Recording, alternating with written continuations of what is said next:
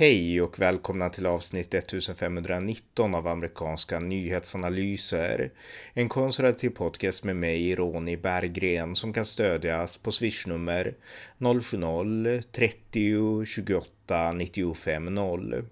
Hösten 2020 körde jag Youtube-kanalen Situation i USA tillsammans med min kollega Tim Borgqvist. Idag intervjuades jag på hans Youtube-kanal TV Tim om kriget i Ukraina och mellanårsvalet i USA. Här är det samtalet, som förstås också kan ses på Tim Borgqvists Youtube-kanal TV Tim. Varmt välkomna! Ja men hej allihopa, här är det ju jag igen som utlovat. TV Tim Sweden med avsnitt 212. Det går fort framåt i tiden. Och här har jag ju min eh, gäst som jag har eh, nämnt att jag ska ta med idag. Ronny Berggren, välkommen till programmet. Tack Tim, tack. Det är ju din fantastiska bok, en eh, synnerligen amerikansk president, Donald Trump, som jag läser och snart är klar med. Jag har fått positiva kommentarer, cirka 500 generellt som följer den. Kommer nog att bli fler sen när jag blir klar och lägger den på en spellista. Så att, eh, det är väldigt kul att läsa den eh, för tittare faktiskt. Ja, men alltså det är superkul att du läser den. Alltså, jag, har, jag har lyssnat på något och jag tycker du, du läser den bra. Och så dina egna kommentarer och så där, det är, det är jättebra. Jag är ju inte, jag är inte Stefan Sauk direkt, men har ju ingen studio heller, så att det blir lite hack ibland. Men eh, det funkar. De tittarna är, är positiva och tacksamma, så det känns kul faktiskt. Ehm, ja, jag tänkte då göra det här avsnittet. Dels är det lite på begäran, folk har frågat efter dig, vilket är roligt. Och ehm, jag tänkte nu det här kriget med Ryssland, Ukraina och hur det påverkar oss och hur det påverkar dem och hur det påverkar USA och USA-valet. Vi kan väl helt enkelt börja med att eh, du pratar fritt om hur du ser på det här kriget eh, på alla håll och kanter. Så ordet är ditt. Ja, nej men alltså det här är ju någonting som alltså, både du och jag har hängt med i nyheten skulle jag tro. Och eh, det är en fruktansvärd invasion där. Det är en total aggression från Rysslands sida som måste fördömas och det bestämdaste. Och eh, lidande för civilbefolkningen, den är ju fruktansvärd. Och eh, ja, vad ska man säga liksom? Vi, vi, kan se det här på tv och nyheterna varje dag. Så att en stor tragedi skulle jag ju säga såklart. Och sen så kan man gräva djupt i liksom detaljer hit och dit och så. Men jag personligen, jag är ju av den bestämda åsikten att det här är helt och hållet Rysslands fel, Rysslands ansvar och eh, att väst måste trycka tillbaka hårt för att förhindra det som sker nu och även att förhindra Ryssland från att ta steg två i framtiden. Så att det är väl min, min liksom utgångspunkt i det här. Om vi börjar där då. Vad säger du om de människor som jag har hört några stycken på nätet och så, som anser att eh, det här är helt rätt att Putin gör det här på grund av vad eh, x antal nazister har gjort på östsidan 2013-2014. Sägs att de ska ha slaktat 14 000 ryssar som bor på den ukrainska sidan och därav så eh, gör Putin helt rätt, som tar tillbaka ett land som inte har rätt att existera. Vad säger man till dem? Eh, jag tror att det överdrifter. Det finns ju alltså högerextrema krafter i Ukraina, det gör det ju såklart. Och eh, ryssarna har säkert utsatts för diskriminering och sådana saker. Men eh, det är inte därför Putin gör det här, utan Putin gör det här, det är en förevändning för hans invasion. Putin bryr sig inte om civila, han bryr sig inte om ryssarna där, han bryr sig inte om de ryska soldaterna. Och jag har intervjuat människor, ryssar, som berättar att eh, liksom diskrimineringen i Centralasien och liknande av de ryska minoriteterna där, den är ännu värre. Och Putin bryr sig inte det minsta. Så att det här är en förevändning för ett krig. Det är det det handlar om och en erövring. Och eh, Putin är en imperialist. Han vill återuppbygga, återskapa det forna ryska imperiet, eh, till och med under tsartiden skulle man kunna säga, men även alltså Sovjetrepublikerna. Den, den stora sorgen för Putin var att Sovjetunionen rasade samman och han vill återskapa ett nytt ryskt imperium. Det är det som driver honom och allt det här med liksom, ja, men titta vad, vad hemskt ukrainarna har behandlat vissa ryssar eh, och liknande. Det är egentligen, det är bara skenmanövrer från Rysslands egen sida skulle jag säga. Och eh, en metod för att försöka få västerlänningar att tro på Putins narrativ. Men det som driver honom, det är inte det, utan det är, det är liksom hans imperialistiska fantasier som han har varit väldigt tydlig med. Vi kan läsa det i den här skriften han skrev, vi kan lyssna på hans tal. Alltså han har en, det här är en ideolog som har liksom fascistiska drömmar som han vill förverkliga. Jag har ju läst på en del nu tack vare det här, dels om Kievs historia, om hur Ukraina, eh, hur det såg ut på 1700-talet, 1800-talet, eh, efter andra världskriget, innan eh, muren föll och efter muren föll och Sovjetunionens fall och, och allt det där. Och tittar man på Zelensky, jag kan inte prata varken gott eller ont om honom som person, men han är ju jude vad jag förstår. Och Israel själv säger ju att han och hans regering gör väldigt mycket för judiska organisationer i Ukraina. Hur skulle det rimma med att Zelenskyj och hans regering skulle vara nazister de med? Jag får inte ihop det. Nej, det är ett jättebra argument, och, eh, men det är bara ett argument. Men det är ett bra argument, absolut, om poäng som man, man måste lyfta fram. Och det visar också, alltså Putin, han är helt ute. Han slänger ut de teorier han trodde att ukrainarna skulle lyssna på och eh, som man kanske tror, jag vet inte om man tror så, men att väst ska tro på också, liksom hans, hans föreställningar om hur världen är. Alltså Putin är en person som har haft huvudet i historieböckerna och han vill återställa ungefär det han tyckte gick fel i världskrigen. så att jag menar, ja, det här är liksom ja, det är en vansinnig historiebeskrivning och sådär. Och det är ett bra argument med Zelenskyj att han är jude och så, men det är bara ett argument. Alltså det är hela paketet, punkt för punkt för punkt, har Putin fel skulle jag säga.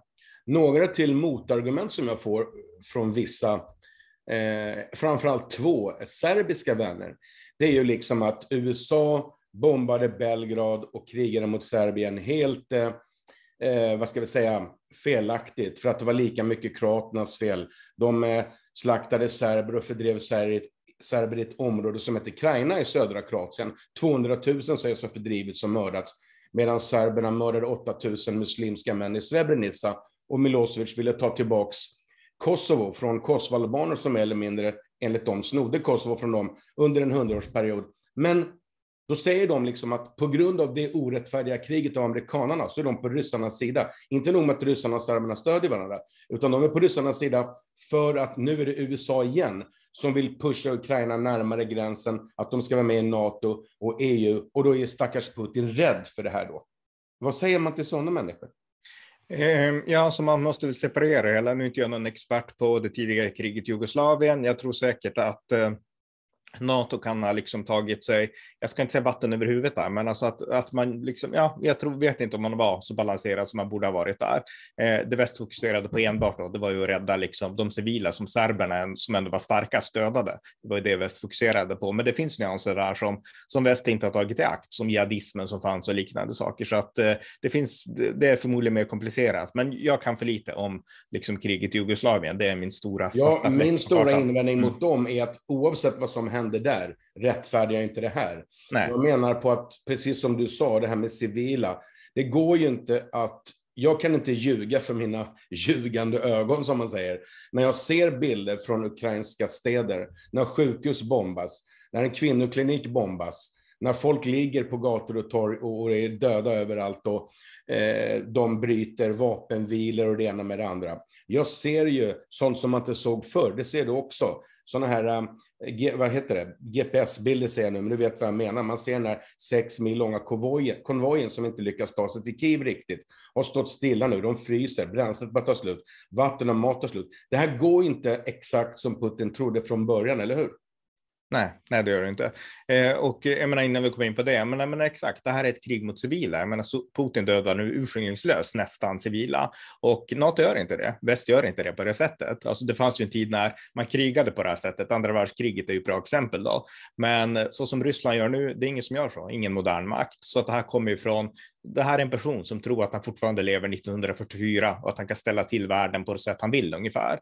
Eh, och eh, ja, han bryter alla möjliga krigskonventioner och internationella lagar och så. Så att det finns ingen likhet mellan NATO och Ryssland. Det är väldigt viktigt att betona det. Sen mm. förstår jag att det finns serber som är besvikna och som bär den här bitterheten mot NATO. Ryssland driver definitivt det narrativet och det finns människor som tror på det. Jag tycker att det är beklagligt, men jag vet att de finns och de får man väl diskutera med så som du gör då på, på ditt mm. sätt och jag på mitt. Men mm. övergripande, den bild som är korrekt där, det är att vi har ett övergrepp mot en fri självständig nation. Det är Ukraina själv som bestämmer om man vill röra sig mot väst eller inte. Och det respekterar inte Ryssland. Jag menar, skulle Ukraina säga att vi vill gå med i Ryssland, vi vill vara med i den ryska federationen, då skulle NATO inte invadera Ukraina och liksom skjuta sönder dem sönder och samman som Putin gör nu. Så att det finns ingen moralisk likhet mellan NATO och Ryssland. Och jag tycker att det är väldigt beklagligt, djupt beklagligt, att det finns människor som tror det här i väst eh, och som vågar tro så och liksom är stolta över att de tror så, trots det man kan säga Putin gör nu i Ukraina med liksom våldet mot civila och liknande.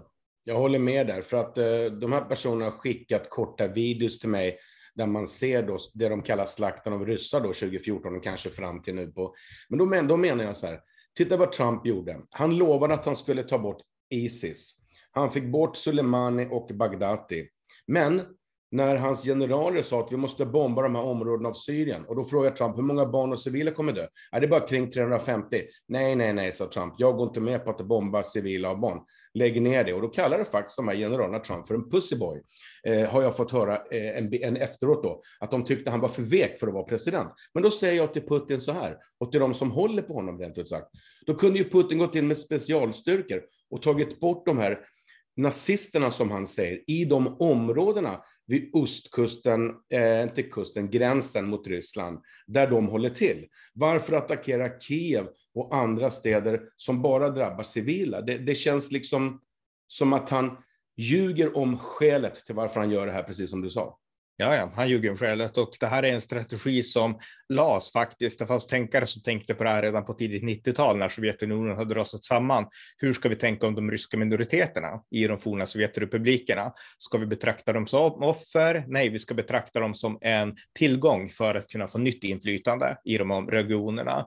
Och det betyder inte att vi som västerlänningar eller ens de här liksom värdnationerna i östra Europa bör betrakta ryssar som femte kolonnare. Inte per automatik, absolut inte. Men Ryssland har betraktat de här som en tillgång för att få nytt tillträde till sina forna liksom, ja, Sovjetrepubliker. Så är det. Så att eh, ja, det här är ett svepskäl. Och hade Putin velat hjälpa lidande ryssar i de här republikerna så hade han kunnat öppna upp gränsen till Ryssland och säga flytta hem. Här får ni bättre jobb, här får ni bättre lön, här får ni det bättre. Men det är ju inte så. Det är inte så att liksom, eh, ryssar på Baltikum skulle få det bättre av att flytta till Ryssland och eh, det är inte så att Ryssland har gett det erbjudandet heller. Så att det här är bara schackpjäser för Putin, precis som palestinierna på de palestinska områdena har varit länge för arabvärlden så använder Putin de ryska minoriteterna som schackpjäser för att bedriva sitt stora politiska spel och det är det väst måste förstå. De skäl Putin anger, de är inte sanna och granskar vi dem, det han säger så, så kan vi förstå det. Det är liksom inte, det här är inte magi, det är inte svårt att förstå, utan det är bara liksom granska det han gör och analysera det skulle jag säga. Jag tycker också det är tragiskt att bortsett från eh, då alla som dör, men i Ryssland drabbas ju folk nu också. Och det här kommer ju att vända sig, eh, tror jag, mot Putin och hans regim. För att först var det företag, Ikea, BMW, alla möjliga. Sen var det Visa, och Amex och Mastercard. Nu försvinner ju all idrott, de får inte vara med på någonting, ingenting får spelas i Ryssland. Och vad tror en vanlig ryss som går ut på gatan, som är lurad av Putin och tror på Putin, när plötsligt finns inte Burger King öppet, McDonalds är stängt, du kan inte köpa Coca-Cola och Fanta längre, Ikea är stängt. Alltså plötsligt stängs saker som är alla västgrejer. De måste till slut undra, vad är det vi gör i Ukraina egentligen? Ja, man kan få hoppas det. Man, man kan hoppas att sanktionerna och företag som drar sig ur, att det ger en konsekvensen. Därför att som det är nu så är ju Putins Ryssland ett stängt samhälle. Eh, människor får inte den information som de skulle få. Det finns ingen fri media där längre. Internet håller på att censureras steg för steg. Man börjar stänga ner sociala medier och liknande. Och eh, ja, det bevittnas ganska Eh, omfattande om att den äldre generationen, alltså de som är 50 plus kanske, de lyssnar bara på det vi kan kalla mainstream media i Ryssland, tv-sändningar och nyheter och liknande. Så att de tror ju på Putins, Putins propaganda. Det pågår inget krig, det är bara en säkerhetsoperation och så. Eh, Medan många yngre, de vet att det kanske inte är så, men de får inte protestera och liknande. Så att förhoppningen är ju att sanktionerna och företagen som drar sig ur ska resultera i att folk vaknar upp, att de inser, men vad konstigt, varför händer det här? Och sen börjar ställa sig frågor och sådär, att eh, vi är ju inte i något krig, var, var, varför gör väst så här? Och sen kanske blir lite mer kritiskt tänkande till, till Putins liksom, propaganda. Det är det man får hoppas blir konsekvensen av det här. Mm. Alltså jag ser en intressant sak på BBC just nu här, som jag kan nämna. Jag har ju varit mycket i Antalya och Alanya i Turkiet och det har ju ett möte där precis just nu i Antalya, en eh, turistkuststad, eh, sydvästra Turkiet.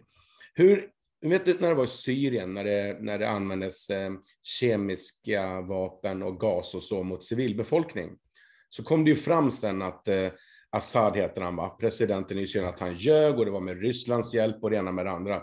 Nu säger den här Lavrov, eh, då inom eh, ryska, eh, eh, vad heter det, han är väl... Eh, utrikesminister. Han är utrikesminister, ja. Han säger idag igen här i Antalya, just nu, att det är USA som experimenterar med biologiska vapen i Ukraina för att döda ryssar. Alltså ärligt, jag behöver inte vara expert eller astronaut för att fatta att det är ren lögn. Mm. Nej, exakt. Nej, men det är ren propaganda och då förstår man inte väst. Man förstår inte hur väst funkar eller USA funkar, utan de som tror så, det är de som sprider liksom den här propagandan, eh, ja, Putins regim i det här fallet, och de som tror på konspirationsteorierna som uppstår i kölvattnet av den här eh, rena desinformationen som kommer från Ryssland. Så att, eh, ja, jag tycker ändå att det är allvarligt när västerlänningar börjar tro på de här narrativen, för det undergräver vår egen liksom, enhet och eh, det splittrar oss och den splittringen Putin söker. Så att eh, jag tycker det är tråkigt när, när sånt här kastas fram och eh, framför allt när det är finns en västvärld som på något sätt har en tendens att tro på det här, alltså som inte förstår hur USA funkar utan helt köper det som är grundläggande vänsterns syn på de här sakerna. Och ja. Mm. Ja, precis. Och jag menar, nu är det två kärnkraftverk, ett utöver det i Tjernobyl som är helt under rysk belägring. De, kom, de kommer inte i kontakt med några som jobbar där längre. Och om strömmen tar slut där så sägs det att det inte alls bra för eventuell strålning och läckage och så vidare inom en till två veckor. Och skulle nu en massa civila dö av stridsgaser, giftiga, olagliga alltså gaser och gifter som då är, de är väl förbjudna enligt krigslagar och så vidare. Används det nu så vet man ju om att det är ryssarna som har använt det mot ukrainier och kommer att skylla på USA, att de här experimenten gick fel och därför är det ni som har dödat ukrainarna. Alltså det här, det här måste ju folk vakna upp för. Selen, vad heter han? Zelenskyj, va? Presidenten i Ukraina, han frågar efter vapen. Han förstår inte riktigt, eller så är han bara desperat när han frågar om stäng luftrummet. För det har med NATO att göra och, och, och hur vi inte kan bli inblandade i tredje världskrig och, och eh, kärnvapen och annat. Men vi pumpar ju in hjälp till Ukraina på, allt, på alla möjliga sätt. Både vapen, medicin och det filmas och det rapporteras. Jag har en känsla av att Putin inte klarar av det här länge till, också med tanke på att det verkar bli, bli motsättningar nu inom hans ledningsgrupp. De ljuger för varandra. De har inte sagt till Putin att det bara är unga killar från lumpen som, som är inne och krigar på, i vissa områden och så vidare. Eller så är det också lögn. Man vet ju bara vad man ser filmat från journalister. Men de kan ju inte fejka det de filmar. Nej, nej visst är det så. Eh, det jag tänker också på, alltså i den här situationen, jag tycker ju att väst ska vara hårdare, eh, samtidigt som vi måste erbjuda Putin en utväg för att inte eskalera, men vi måste ändå vara tuffa och tydliga att det här är Ukrainas land, det här är en illegal invasion och eh, jag tycker vi ska fortsätta ge stort militärt stöd till Ukraina. Jag är för någon form av flygförbudszon, kanske inte hela Ukraina, men liksom i de västra delarna och sådär, där man kan på något sätt skydda Ukraina utan att gå i konfrontation, direkt konfrontation med Ryssland. Eh, och vi måste sluta vara rädda. Jag tycker att det är det viktigaste här. Jag menar, argumentet som du framförde nu lite grann och som jag hörde eh, Peter Hultqvist framföra igår på SVT, 30 minuter, och som egentligen alla i väst liksom repeterar, det är liksom rädslan för tredje världskrig, Putin har atombomber och så vidare. Och eh, det är sant, Putin har atombomber, han har den största atombombsarsenalen i världen och eh, ingen vill ha ett kärnvapenkrig. Samtidigt så vet vi också att Putin, Putin spelar ju på rädslan för oss. Alltså han spelar på att vi är rädda för att han har kärnvapen. Det är det som gör att han gör som han gör. Och i USA, inom Republikanerna, så finns det en lång tradition att sådana här situationer hanterar man genom att visa styrka, genom att trycka tillbaka, inte genom att låta sig skrämmas. Och eh, jag tycker att den attityden har vi tappat lite grann idag. Eh, om vi går tillbaka till andra världskriget, bara lite kort här nu, eh, då fanns det ju inte atomvapen på det sättet riktigt, men Hitler i alla fall. Där hade vi en ideologisk ledare som drevs av stora idéer, precis som Putin gör, och som liksom, han var beredd att betala vilket pris som helst för att implementera sina idéer. Och sådana ledare skiljer sig från västerländska politiker idag, för vi drivs mer av liksom, ja, kanske realpolitik, men annars ekonomiska intressen, pengar, status. Alltså, vi drivs inte längre, våra ledare i väst idag, av de här stora idéerna. Och när vi då möter en ledare som drivs av stora idéer, som Putin, då vet vi inte hur vi ska göra, utan då blir vi liksom, vi blir låsta i vårt tänkande. Jag såg Jens Stoltenberg, eh, NATO-ledaren då, tidigare statsminister i Norge, tror jag. Han, han sa att eh, Putin, Ryssland ljög oss rakt i ansiktet, sa han. Och då tänkte jag när han sa det, alltså, vad förväntar du dig? Det här är Putin. Det här är en person som är en imperialist. Han drivs av de här stora idéerna. Han har samma liksom, förmåga att ljuga rakt i ansiktet som Hitler hade. Jag menar, när Hitler skrev på fredsavtalet då, mm. så, så liksom, ja, vissa trodde ju att fred i vår tid, liksom, Chamberlain och vidare. Medan Churchill, som var en ledare som också var en ideolog, som tänkte på stora idéer, som fantiserade om liksom, de här brittiska generalerna och liksom drömde sig tillbaka i historien. Han fattade hur Hitler tänkte. Han, han, förstod på en gång att det här är trams, det här är ingen fred, utan det här är liksom en falsk trygghet för att Hitler ska kunna avancera och ta mark. Och hade vi haft stora ledare idag i väst, demokratiska ledare, som hade kunnat förstå Hitler, eller förstå Putin i det här fallet, det mm. Putler som man brukar säga. Ja, exakt. Då, då, hade vi liksom inte blivit lurade, utan då hade vi kunnat inse att självklart ljuger Putin. Eh, Medan ledare som Jens Stoltenberg, det krävs liksom att de verkligen blir tagna på sängen för att de ska vakna och förstå att det här är karaktärer vi inte kan lita på. Och för att avrunda, inom det republikanska partiet i USA så finns det en tradition av politiker som kan se igenom det här. Därför att USA har en militär som är stor. USA har väldigt många politiker som har varit krigsveteraner och liknande. Och där är man mycket mer nykter och kan analysera sådana här personligheter som Putin mycket bättre än vi i Europa kan, skulle jag säga. Så att det är sådana ledare vi behöver idag för att kunna liksom gå emot de här riktiga totalitära autokraterna. Mm. Helt rätt, jag håller med om det. Jag tycker också att eh, vi är fega här i väst nu. Jag känner det med det här med NATO och EU, vi skyller på det hela tiden. Det var en utmärkt idé du hade där. Varför har ingen i media sagt den? Eller jag har inte hört det i alla fall.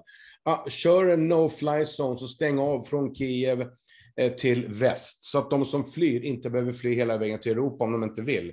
De kan vara skyddade i eh, västra delen av Ukraina och man ger samtidigt Putin en morot så att han inte behöver, liksom, vad ska vi säga, skämma sig ihjäl för att dra sig ur nu då. Ge han någonting att, eh, som nu Zelenskyj, jag säger Zelenskyj, jag kanske säger fel, men presidenten i Ukraina, han har ju börjat ge, ge sig lite grann på att okej okay då, vi behöver inte gå med i NATO, på många år i alla fall. Då är det en morot åt det hållet till exempel. Eh, och det tar ändå många, många år att komma med i eh, EU. Det ser man på Turkiet. De kommer inte med för att de inte lyckas eh, uppfylla de eh, krav och regler som finns. Men om vi går till Sverige lite grann då, den här rädslan. Alltså, jag tror inte heller att Putin skulle skicka några atombomber på oss eller andra länder för att vi skulle gå in tuffare i Ukraina. Därför att även om man förlorar Ukraina och får till någon tuffare gräns där, han kan alltid bygga en mur till exempel om man vill. Och om han skulle skicka nukes mot oss, då vet han att han förstör Ryssland och Moskva och Sankt Petersburg. Då blir det samma skit tillbaks. Så jag tror inte heller på den rädslan. Men vad säger du om Sverige då? Vi, vi, går till Sverige och lyssnar på vår nya statsminister då, Magdalena. Va? Liksom, jag tycker att hennes sätt att prata, nu med det här nya talet i morse, så tydligen så brann det där också samtidigt som hon skulle hålla sitt tal. Och eh, folk bunkrar i vatten och köper jodtabletter och burkmat och militärkläder. De har intervjuat folk i jaktbutiker, inte bara sådana som köper för att skydda och hjälpa folk i Ukraina, utan folk köper hem vapen till sig själv. Och, och liksom, det här har blivit en riktig rädsla nu, att nu kommer nog snart ryssen till Sverige. Hur, hur ser du på hur svensk media hanterar den här krisen?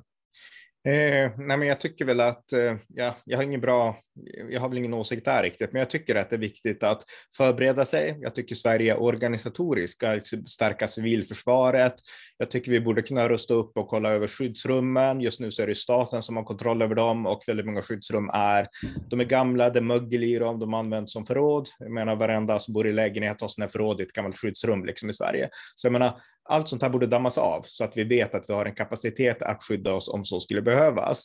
Sen är risken såklart inte alls överhängande för Sverige skulle jag säga. Men vi är inte med i NATO och det är en nackdel. Skulle jag, jag är väldigt stark NATO-förespråkare och det finns ju i Sverige ett argument för att om vi går med i NATO så då överger vi vår klassiska neutralitet. Alliansfriheten har vi redan övergett. Vi är tydliga på västsida idag. Eh, men Eh, eh och det skulle ge Putin incitament att attackera. Men jag skulle säga att om man har det argumentet att vi ska inte gå med i NATO därför att det är Putin incitament att attackera, då väljer vi istället att leva på Putins nåder. Medan går vi med i NATO som är en militär allians som alla vet är starkare än Ryssland. Jag menar NATO gemensamt är mycket starkare än Ryssland. Här har vi Rysslands militär som knappt kan krossa Ukraina, ett litet svagt land. Jag menar NATO kan inte besegra USA och Europa eh, och Frankrike, Storbritannien och de här militära makterna. Det kan inte Ryssland.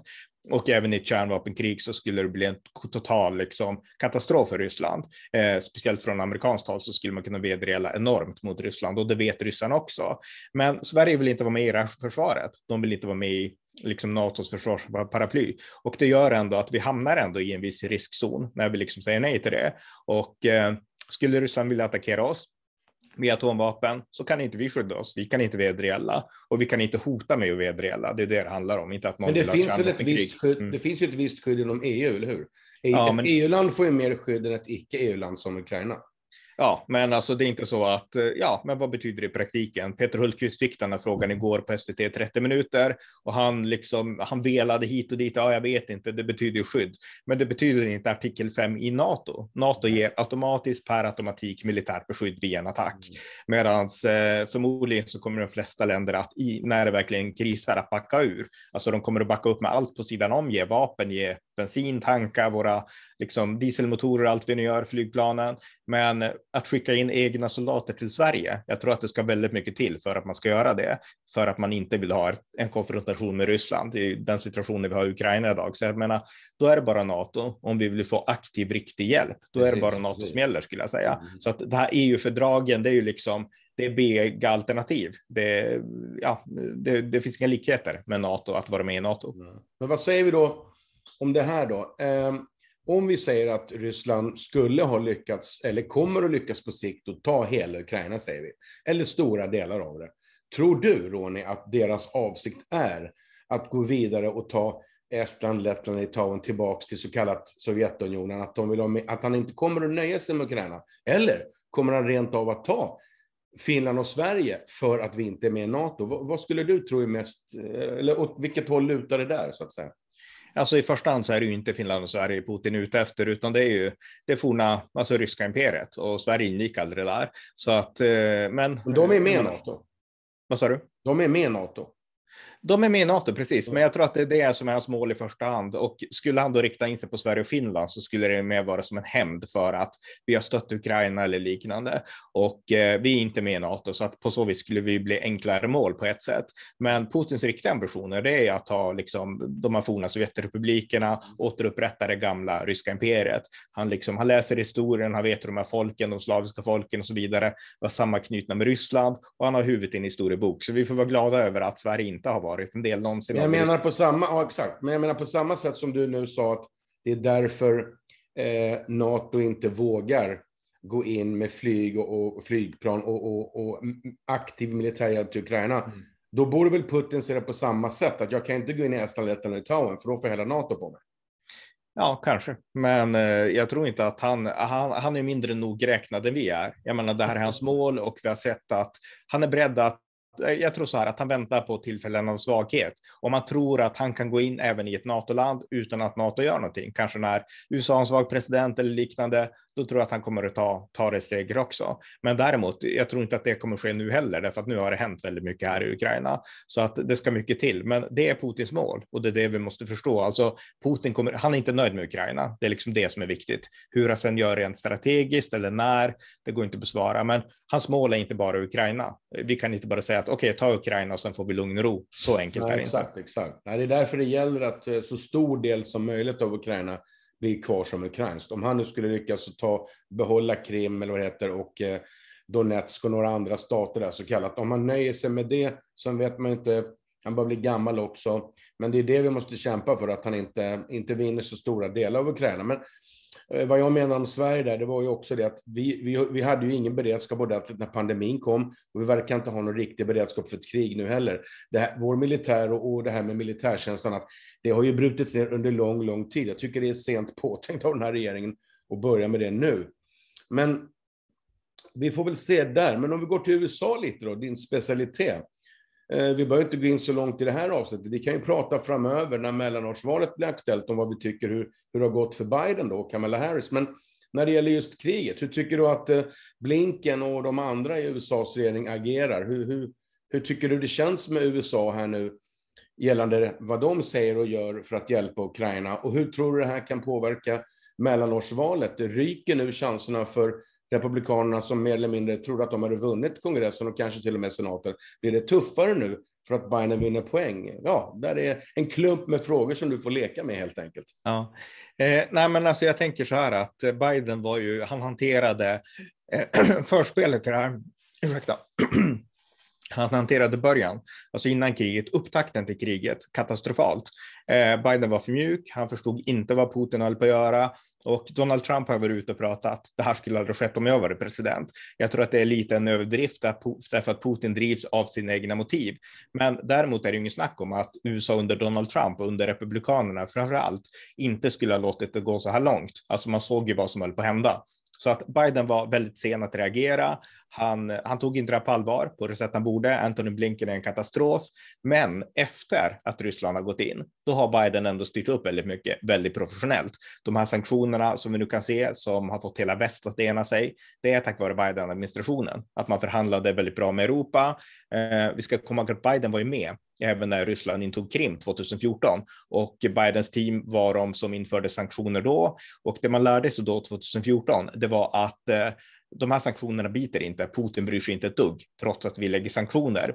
Utan enda sättet att försöka på något sätt tro att vi kan påverka Putin med sanktioner, det är om Europa och USA står samman och gör gemensam sak.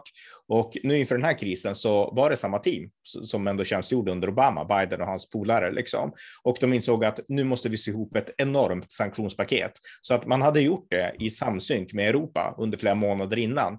Så att när man väl beslutade sig att nu ska vi sanktionera, då kunde man samsynka det med Europa och få de här äh, hårda sanktionerna väldigt snabbt. Så att det är tack vare Biden, så där ska han ha cred. Och eh, inte bara liksom han personligen utan hans team, att de hade, de hade de här kontakterna med Europa som republikanerna inte har tyvärr. Eh, så att eh, på så vis så lyckades man ändå få hårda sanktioner efteråt. Så att jag tycker att Biden har hanterat eh, kriget bra i samband med att det väl bröt ut. Men hans liksom agerande innan, det var ju under, alltså det var, det var inte alls bra. Nej, men han har catchat upp snabbt och det han gör nu är bra.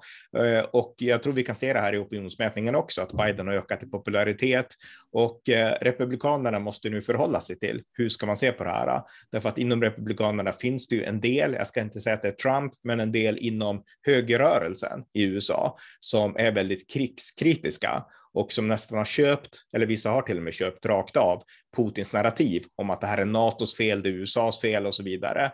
Och eh, det har gjort att man i praktiken, även om man inte stöder övergrepp på civila, ändå har ställt sig på Putins sida i liksom narrativbildningen om det här kriget.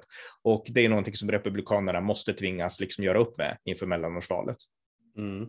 Så om vi säger att det var val idag då, har Biden och hans gäng kommit ikapp helt det här otroliga underläget eller skulle Republikanerna vinna tillbaks majoriteten i kongressen och senaten eh, om det var val imorgon? Eh, nej, Republikanerna skulle vinna av den enkla anledningen att eh, dels så, eh, alltså utrikespolitik, det är inte det som står högst på amerikaners, amerikaners agenda. Mm. Det här kriget i Ukraina, det är viktigt för amerikaner såklart, men det är inte alls lika viktigt eller lika stort som oss i Europa. Och de flesta amerikaner, de är ensamma om att USA ska inte ge sig in aktivt i kriget. Det här är inte vårat krig, utan det är, det är Europas krig då möjligtvis. Så mm. att det, det är inte utrikespolitiken som är högst i rang i USA, utan det är inrikespolitiken. Och där är Biden en total katastrof. Han förstår inte vanliga amerikaner.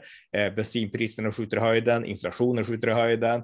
Biden pratar om liksom en grön omställning, Pete Buttigieg, att man ska åka med kollektivtrafik. Så att jag menar, det är inrikespolitiken som kommer dominera väldigt mycket inför valet. Och eh, där så har Demokraterna och Biden ingen chans. Republikanerna är liksom, de har folket med sig där. Så att jag tror att eh, ja, de frågorna är viktigare helt enkelt. Men utrikespolitiken kommer att bli en större faktor i takt med att det här kriget fortgår, så att republikanerna mm. måste skydda sin flank på den fronten också. Och eh, därför menar jag att de måste ändå göra upp med de här, liksom, ja, loonies som ändå finns lite grann på mm. högerkanten. Precis. Vad säger du om, eh, om vi börjar med att inte gå in på vad du um, anser om det är bra eller dåligt. Tror du att Trump kommer att run for president 2024? Ja, det tror jag. Eh, det går för bra för honom för att han inte ska kunna göra det. Jag menar, det går dåligt för Biden. Mycket av det Trump sa om Biden och om världspolitiken har visat sig vara rätt och eh, Trump har blivit friad. Jag menar, det här Russia Gate, nu vet vi att det var en hoax totalt och eh, så att det är mycket som talar för att, att Trump skulle ha goda chanser och jag tror att Trump är ingen som vill. Han vill inte vara en förlorare och om han ser chansen att jag kommer att vinna, då ställer han upp och eh, jag tror att den chansen ser han nu. Hade det varit annorlunda, hade Biden varit på populär och om Trump visade sig, ja men du gjorde fel och så vidare, då kanske han skulle ha backat för Trump vill inte förlora. Men som, som det ser ut nu så tyder ju allt på att, att Trump skulle vinna. Han har sitt parti med sig i mångt och mycket i alla fall. Mm. Och eh, ja, det går åt skogen för Biden, så att ja, jag tror han ställer upp. Vad tror du om eh, tror den här kommittén, som jag tycker till största delen är en hoax, hela den, men tror du att Trump och hans familj och de här andra kan bli dömda för att de är skuld till det de kallar insurrection. Vad jag förstår på dina böcker och din kunskap om USA och vad jag hör på nyheter, så en insurrection måste ju vara en väpnad statskupp. Det här kan inte klassas som en insurrection, det som hände. Att ett gäng dårar går in och sabbar och har sig. Det är väl, det är väl mer disturbance of peace och inbrott och allt vad det kallas. Mm. Eh, oavsett vad Trump sa och inte sa, kan han knappast bli dömd för insurrection, eller vad tror du? Nej, det tror jag inte. Men jag, jag, tycker inte att den här kommittén är bara trams, utan jag tycker att den är jätteviktig och jag tycker att det är bra att Liz Cheney och Adam Kinzinger, två republikaner som sitter där, gör det och jag tycker att allt ska utredas och jag tycker att det är Trump som bär det yttersta ansvaret för det som hände den 6 januari. Han var inte tydlig innan, han var inte liksom, det fanns inget konsekvenstänkande i Trumps agerande, utan han ville bara att valprocessen skulle stoppas på ett sätt där Trump hade fel, helt enkelt anser men, jag. Jag, ja. jag, jag, köper det så, men är det helt fel menar du då? För jag har ganska stark information som säger att han bad eh, Nancy Pelosi att sätta in ända upp mot 10 000 så kallade militärpoliser. Eh, är det inte heller sant menar du eller? Eh, det kan jag inte i detalj just nu, men nej, jag tror inte. Alltså, jag han har att... ju skrivit, det finns ju mejl där han skickade till Nancy Pelosi och han, han sa ju till och med på sitt tal där precis innan det här hände att vi ska visa Demokraterna hur man gör när man gör fredliga protester utan våld. Det, det räcker inte menar du? Eh, ja, men jag håller med. Alltså, Trump ville inte att det skulle bli våld. Det, det är jag helt ensam. Eh, Trump uppmanade inte till våld. Han ville inte. Det, det här fanns inte med i Trumps stora plan. Han ville väl heller inte att de skulle bryta sig in som de gjorde, eller tror du det? Det, det, är därför det inte är en insurrection, skulle jag säga. Alltså Trump uppman, det, det, här var inte Trumps stora plan, nu ska ni gå in i Kapitolium och slå sönder saker, det var det inte. Eh, men det var ändå konsekvens av hur Trump, liksom, vad han uppmanade, det han sa, och han var inte tillräckligt tydlig där i början. Stopp. Det han gjorde fel, det han gjorde fel, ja. Trump, som jag tror att eh, vi är överens om, det var ju det att han försökte pusha eh, Mike Pence till olagligheter. Mm. För att jag har förstått det som eh, många republikaner som jag lyssnat på på olika YouTube-kanaler och Rumble och så vidare. De säger att Trump ska tacka Mike Pence. För hade inte Mike Pence gått emot hans eh, krav där så hade han aldrig mer fått lov att eh, jobba politiskt i USA. Vad säger du om den? Nej, men självklart, då självklart hade Trump inte fått det i så fall. Så att jag menar, det här är, ja, Trump gjorde fel och han manade sin pöbel, om man nu säger så, och sina mm. anhängare till att eh, protestera över en sak som de inte hade rätt att liksom pressa fram. Mike Pence hade helt rätt, han gjorde helt rätt analys och han gjorde helt rätt den dagen. Och du tror så, ändå att han, du tror ändå menar jag att eh, Trump kan vinna ett val trots det här som har hänt menar jag? Ja, det tror jag. Av den enkla anledningen att Republikanerna, alltså gräsrötterna, stöder Trump och eh, det här är ändå en del som, jag tycker att den här kommittén är extremt viktig. Helst hade jag sett en fullskalig kongresskommitté, men Trump sa ju nej till det och han fick Republikanerna att rösta nej till det. Alltså en 9-11-utredning när det är lika många från mm. båda partier, i både senaten och representanthuset. Så, men han sa nej till det och det är därför vi har en kommitté som vi har nu som är utan tvekan partisk, men det är det bästa vi kan få. Och det var det jag menade. Ja. Jag var inte, när jag sa att jag menade att kommittén var en hoax, mm. menar inte jag alls att jag tycker det är fel att det finns en kommitté. Jag tycker det känns fel att, att det, vissa republikaner, som det var väl Jim Jordan och några andra, att de förbjöds att vara med. Så det är ingen riktig balans, 50-50 där kan man tycka. Nej, det är det inte. Nej. Eh, men orsaken till det, det, det beror som sagt på att, eh, att Trump inte ville ha en fullskalig kommitté. Det, det är Trumps fel i grund och botten där, att det bara blir den här lilla partiska kommittén. Det är det bästa man kan få nu i USA, men det är republikanernas fel som inte accepterar den fullskaliga liksom, kommitté som 9-11-kommittén till exempel. Men du tror inte att Trump kommer bli dömd för någonting i det här sammanhanget? Alltså, nej, inte lagligt. Alltså, jag tror att han kommer att bli eh, Ja, han kommer väl bli prickad. Man kommer liksom göra en bedömning att det här visar att Trump är olämplig till alla politiska ämbeten. Det betvivlar jag inte, men jag tror inte att det kommer att förhindra honom att kandidera igen. Det tror jag inte. Och då kommer vi eh. till svensk media. Förlåt att jag avbryter. Jag tycker det är så spännande med dina kommentarer och det gör tittarna också. Vad tror du om svensken som läser Aftonbladet och Expressen som jag brukar säga, som kopierar CNN? Mina vänner på mediasidan och de som läser svensk media, de säger till mig, eh, Tim, varför vill du ha tillbaka den galningen? Alla som röstar på Trump är tandlösa rednecks utan utbildning och idioter. Vad säger du till dem som säger så? Ja, nej, men så är det ju inte. Men, men däremot, alltså jag personligen, jag stödde Trump 2016, jag stödde honom i omvalet 2020, men jag tycker att han har gjort bort sig och jag kommer inte i ett, alltså i ett primärval, republikanskt primärval, inte att stödja Trump, utan jag vill se en annan. Men skulle Trump däremot vinna primärvalet och bli republikanernas kandidat, då anser jag ändå att vi måste sluta upp bakom republikanerna, därför att republikanerna är alltid bättre än demokraterna. Så att i ett allmänt val så skulle jag förmodligen då stödja Trump, men inte i primärval. Det kommer jag inte göra. Men vem, vem ja. ser du som vem ser du som, eh, om du får säga två kandidater, inte att, de, inte att du tror att de kanske skulle kunna vinna mot Trump. Vi säger att Trump blir sjuk och inte kan ställa upp, säger vi. Vilka två eh, eller tre skulle du vilja se som kandidater på den republikanska sidan? Eh, en av mina favoriter 2016 som fortfarande i viss mån kvar i leken, det är Scott Walker, då, Wisconsins tidigare guvernör. Han har stor integritet, han, han kan liksom de här republikanska idéerna, han förstår vänstern i USA som han är väldigt kritisk till och eh, det, det är min favorit i primärval om man skulle ställa upp. Det är inte säkert alltså, men det skulle vara min favorit, ja. Vad säger du om Ron DeSantis då? Är han för Trump eller? Ja, men alltså, han är ju en mini-Trump.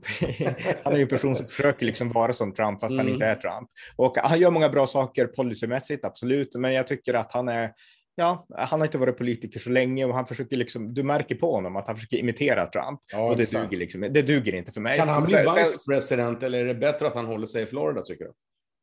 Vice president kanske funkar, men liksom Mike Pence är också ett bra alternativ. Här har vi en person som kan allting utan och innan och som är en person med integritet, karaktär och har rätt åsikter om allt egentligen. Så Mike Pence vore också väldigt bra alternativ. För de är inte ovänner. Jag har ju förstått att Trump och Pence är inte alls ovänner. De har ju pratat ut om det här som jag förstår. Kanske. Jag är inte säker. Jag tycker de bråkar offentligt i alla fall ganska mycket hit och dit. Okej. Okay. Vad tror du om um var en fråga jag hade just där om det här med rhino hunting. Många svenskar vet inte vad en rhino är, men Republicans in name only som det heter då. Vad tycker du om det, att de, eh, många republikanska kanaler och så, Newsmax och andra, ger sig på Mitt Romney, Lindsey Graham och många andra att liksom, ni är inga riktiga republikaner, ni, ni är fake news, ni är rena demokraterna. Eh, vad, vad, vad, säger man om det? Mitt Romney Eh, tycker jag har gjort bort sig massor med gånger. Jag tycker inte han passar in i ett Trump-team till exempel. Men Lindsey Graham, jag tycker han går fram och tillbaks. Ena sekunden är han jättetrump och nästa sekund är han emot Trump. Många av de där äldre gubbarna inom Republikanerna känns eh, oaktuella idag, eller hur? Hur ser det ut? det? Eh, Ja, alltså jag skulle säga att rhino, det är ett gammalt begrepp som Trump missbrukar. Alltså det handlar ju egentligen om de här som de gamla moderata republikanerna innan mm. Reagan-revolutionen, alltså de som tyckte som demokraterna men som ändå ville fortsätta vara republikaner mm. även efter Reagan. Just Trump använder begreppet bara för att stämpla de som inte håller med honom. Jag menar, det är, inte så, det, är inte, det är inte så att Romney är en rhino. Romney är konservativ på alla sätt. Utgår från Ronald Reagan, ta Mitt Romney, ta John McCain, ta George W. Bush. Alla de här som Trump stämplar som rhinos, de är ju bergfast konservativa och, och eh, mm. det enda liksom de sviker på att det är att de inte gillar personen Trump och de menar Trump att det gör att ni är rhinos, men så är det inte. Liksom. jag att, jag menar, han, han missbrukar det här begreppet totalt. Jag har märkt det här i mina egna flöden. Jag diskuterar ofta och försvarar ofta Bush och McCain och liknande och då menar folk att du är en rhino. Du, alltså, för att inte vara en rhino, då ska man liksom vara med i Trumps sekt och dyrka Trump och tycka att allt han gör är bra och att han är bäst och att vi får världsfred bara han blir president. Och jag menar, den klubben är inte jag med i. Men jag menar, jag inte Rhino och många andra republikaner som är mer konservativa än Trump. De är inte heller Rhinos. Nej, innan jag förstod att det var Republicans in name only som de använder det som nu då. Men jag har alltid sett det ordet som dinosaur, alltså en, ja, en rhino. Just ja, sådär, ja, gamla old republicans, liksom, de, typ som de äldsta då. Som är.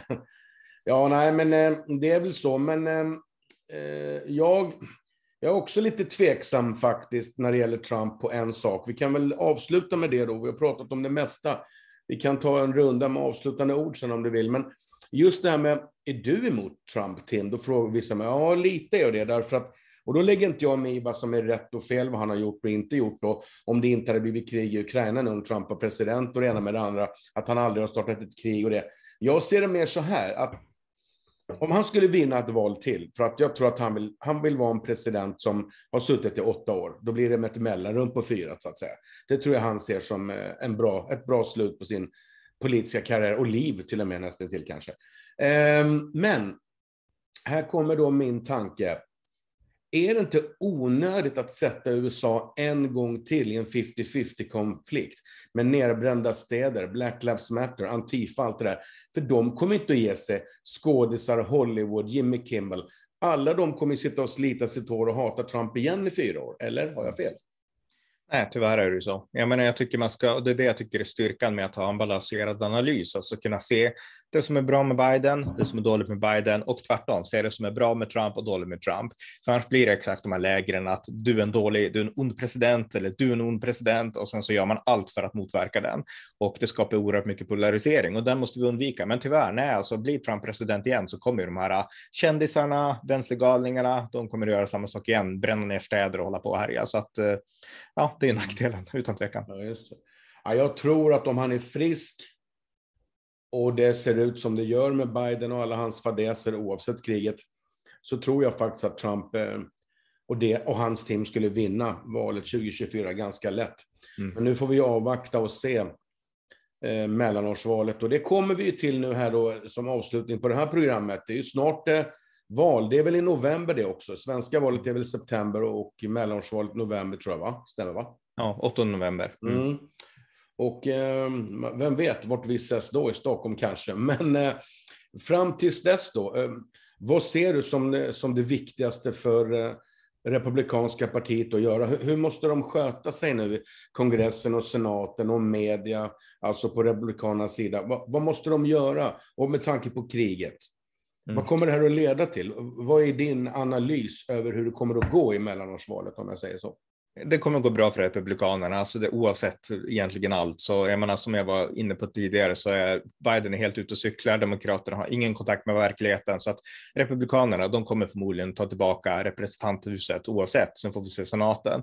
Men, eh, eh och jag tror att gällande sakfrågorna så äger Republikanerna dem redan, oavsett om vi pratar om coronan, jag menar coronerna, eh, Republikanerna har inte velat haft liksom coronamaskmandat. Eh, och Republikanerna har fått rätt, allmänheten står på Republikanerna Republikanernas sida idag. Ingen vill återgå till Demokraternas lockdownpolitik till exempel. När det gäller liksom synen på bensinskatter, synen på alltså alla vardagsproblem så har Republikanerna haft mm. rätt. Så att jag menar, de kommer att vinna eh, där. Så att den stora utmaningen nu, det är Ukraina, därför att där har vi en falang inom Republikanerna, Tucker Carlson, Candace Owens och väldigt många andra i de här republikanska förgreningarna i alla fall, som är inne mer på det här Rysslandsspåret och som inte fattar att det republikanska partiet är Ronald Reagans parti. Det parti som står upp mot världskommunismen, valde att vinna genom att visa styrka, rusta, vara beredd att gå i krig och inte alls vara rädd för ryska atombomber eller tredje världskrig, ja, utan exakt, exakt. man var beredd att ta det om det behövdes. Och den ådran har Trump pushat ut lite grann. Eh, den måste få komma tillbaka och den måste få plats inom det här republikanska partiet. Mm. Och eh, det är den utmaningen jag ser egentligen. Men alla sakfrågor inrikespolitiskt där, där äger ju republikanerna totalt. Mm. Okej, min sista fråga innan vi kan eh, bara se om det finns något öppet att säga. Jag kom på en fråga till till dig faktiskt. Tror du att om Trump hade varit president nu, inte nog med att jag tror att det hade sett annorlunda ut på energifronten och så vidare, men om Trump eller Republikanerna, eller så här kan jag ställa om min fråga. Om de får makten i kongressen och senaten, alltså det är ju två år innan då valet 2024, för vem som ska ta över Vita huset, eller vara kvar i Vita huset. Eh, kan de påverka och kommer de att påverka så att USA börjar borra olja igen, fracka efter naturgas, öppna gruvorna igen för det som de kallar clean coal och öppna upp energi och pipes och, och hela den biten? Eller måste USA vänta på att det blir en republikansk president innan det kan hända? Eller räcker det med majoritet i representanthuset och senaten? Ja, då måste vi få med sig Joe Biden, presidenten då. Men, men det är inte omöjligt. Jag menar, vi kan se Bill Clinton efter mellanårsvalen 94. Då insåg han att okej, okay, min liberala agenda funkar inte. Nu måste jag samarbeta med Newt Gingrich, alla de här republikanerna som har tagit över hela kongressen. Så att jag menar, skulle republikanerna få en landslide, då måste ju Biden, om han vill få något gjort, liksom samarbeta med Republikanerna. Mm. Och eh, Joe Biden är nu i krig. Han har sagt att vi ska inte importera mer olja från Ryssland och energipriserna stiger. Så att det realistiska är, det är ju att börja öppna upp amerikanska energikällor igen. Och även om vänstern inom det demokratiska partiet absolut inte vill det, skulle Joe Biden få en republikansk kongress och samarbeta med, då skulle han ju alla liksom skäl att, att ändå vara tillmötesgående. Eh, så att eh, det skulle kunna gå, ja. Okej. Okay, um, det var någonting till jag hade där som jag snurrade till, men uh, kanske kan ta det nästa gång då? Energi, olja, bensin, det var någonting jag tänkte på där. Nej, men vi gör så här då. Det var jättekul att du var med idag, Ronny, och det kommer ju fler tillfällen där vi kan köra avsnitt ihop, hoppas jag. Eh, ta några sista ord om eh, hur du ser på, eh, på kriget och vad tror du kommer hända de närmsta veckorna? Vad är din analys över kriget, Ryssland och Ukraina? Blir det någon lösning snabbt eller kommer det att dra ut på tiden? Hur, hur ser du på de närmsta, säg två till fyra veckorna? Ja, det vet jag inte, men det, det, jag vet och det jag tycker är att väst måste stå enat. Det är av allra högsta vikt nu, vikt nu att vi står enade. Det är mycket prat om att VOK i liksom VOK-rörelsen i väst, att den är farlig. Den är farlig, den måste kontras, men nu har vi riktigt totalitarism. Alltså nu har vi Putin, den här riktiga liksom totalitära eh, människan från en tid som vi inte trodde existerade längre, som är och härjar mitt inne i Europa. Det är av högsta vikt att väst står enat och Europa måste vara enat. Vi måste vara enade med USA och även om vi är kritiska till Joe Biden, jag är det, så måste vi också respektera honom i hans ämbete. Han är USAs president. Han är den yttersta försvararen av Europa i det här läget. Alltså USA är NATOs grund, grundstomme och vi kan tycka vad vi vill om Biden som person, om hans inrikespolitik, men det är han som är the commander in chief i västvärldens starkaste militärmakt. Och vi måste se till att vi har en god relation med USA oavsett vilken president som styr. Eh, Liberalerna är väldigt dåliga på det här. De la ett förslag på sina landsdagar för något år sedan att de ville inte gå med i NATO och eh, det här är ju parti som älskar NATO egentligen, men de ville inte gå med för att Donald Trump var ju NATOs liksom commander in chief. Så att jag menar, sånt måste vi komma bort ifrån. Nu är det krig i Europa, Putin är ett hot och vi måste stå enade. Och då kan vi på högersidan tycka vad vi vill om Joe Biden, men vi måste ändå respektera hans ämbete. Så att det är väl det jag skulle vilja liksom säga avslutningsvis. Mm. Respekt och enhet. Då säger jag så här, det var det jag försökte få vänstern, både i Sverige och USA, att förstå när Trump var president, att respektera ämbetet. Man behöver inte bry sig om Orange Man Bad hela tiden, utan det är resultat och, och det som du pratar om nu som är det viktiga. Tack så jättemycket för att du var med Ronny och eh, ser fram emot att träffa dig så här och även på riktigt framöver. Ja, vi har ju träffats förut Tim, du och jag, så att vi känner varandra redan egentligen. Ja, exakt. Jag tänkte ja. mer på mellanårsvalet. Vi får väl styra upp svensk media igen kanske. Ja, exakt, exakt. Ja, lycka till Tim, kul att prata. Hej. Detsamma. Tack så mycket, ha det bra. Hej, hej, hej. Det var avsnitt 1519 av amerikanska nyhetsanalyser. En podcast som önskar ge ett konservativt perspektiv på världen. Stöd gärna på swishnummer 070-30 28 95 0 eller via hemsidan på Paypal, Patreon eller bankkonto. Eller ännu hellre, skänk en slant till valfri organisation som ni har förtroende för som skickar hjälp till Ukraina i denna svåra stund. Det var allt för idag. Tack för att ni har lyssnat. Thank you.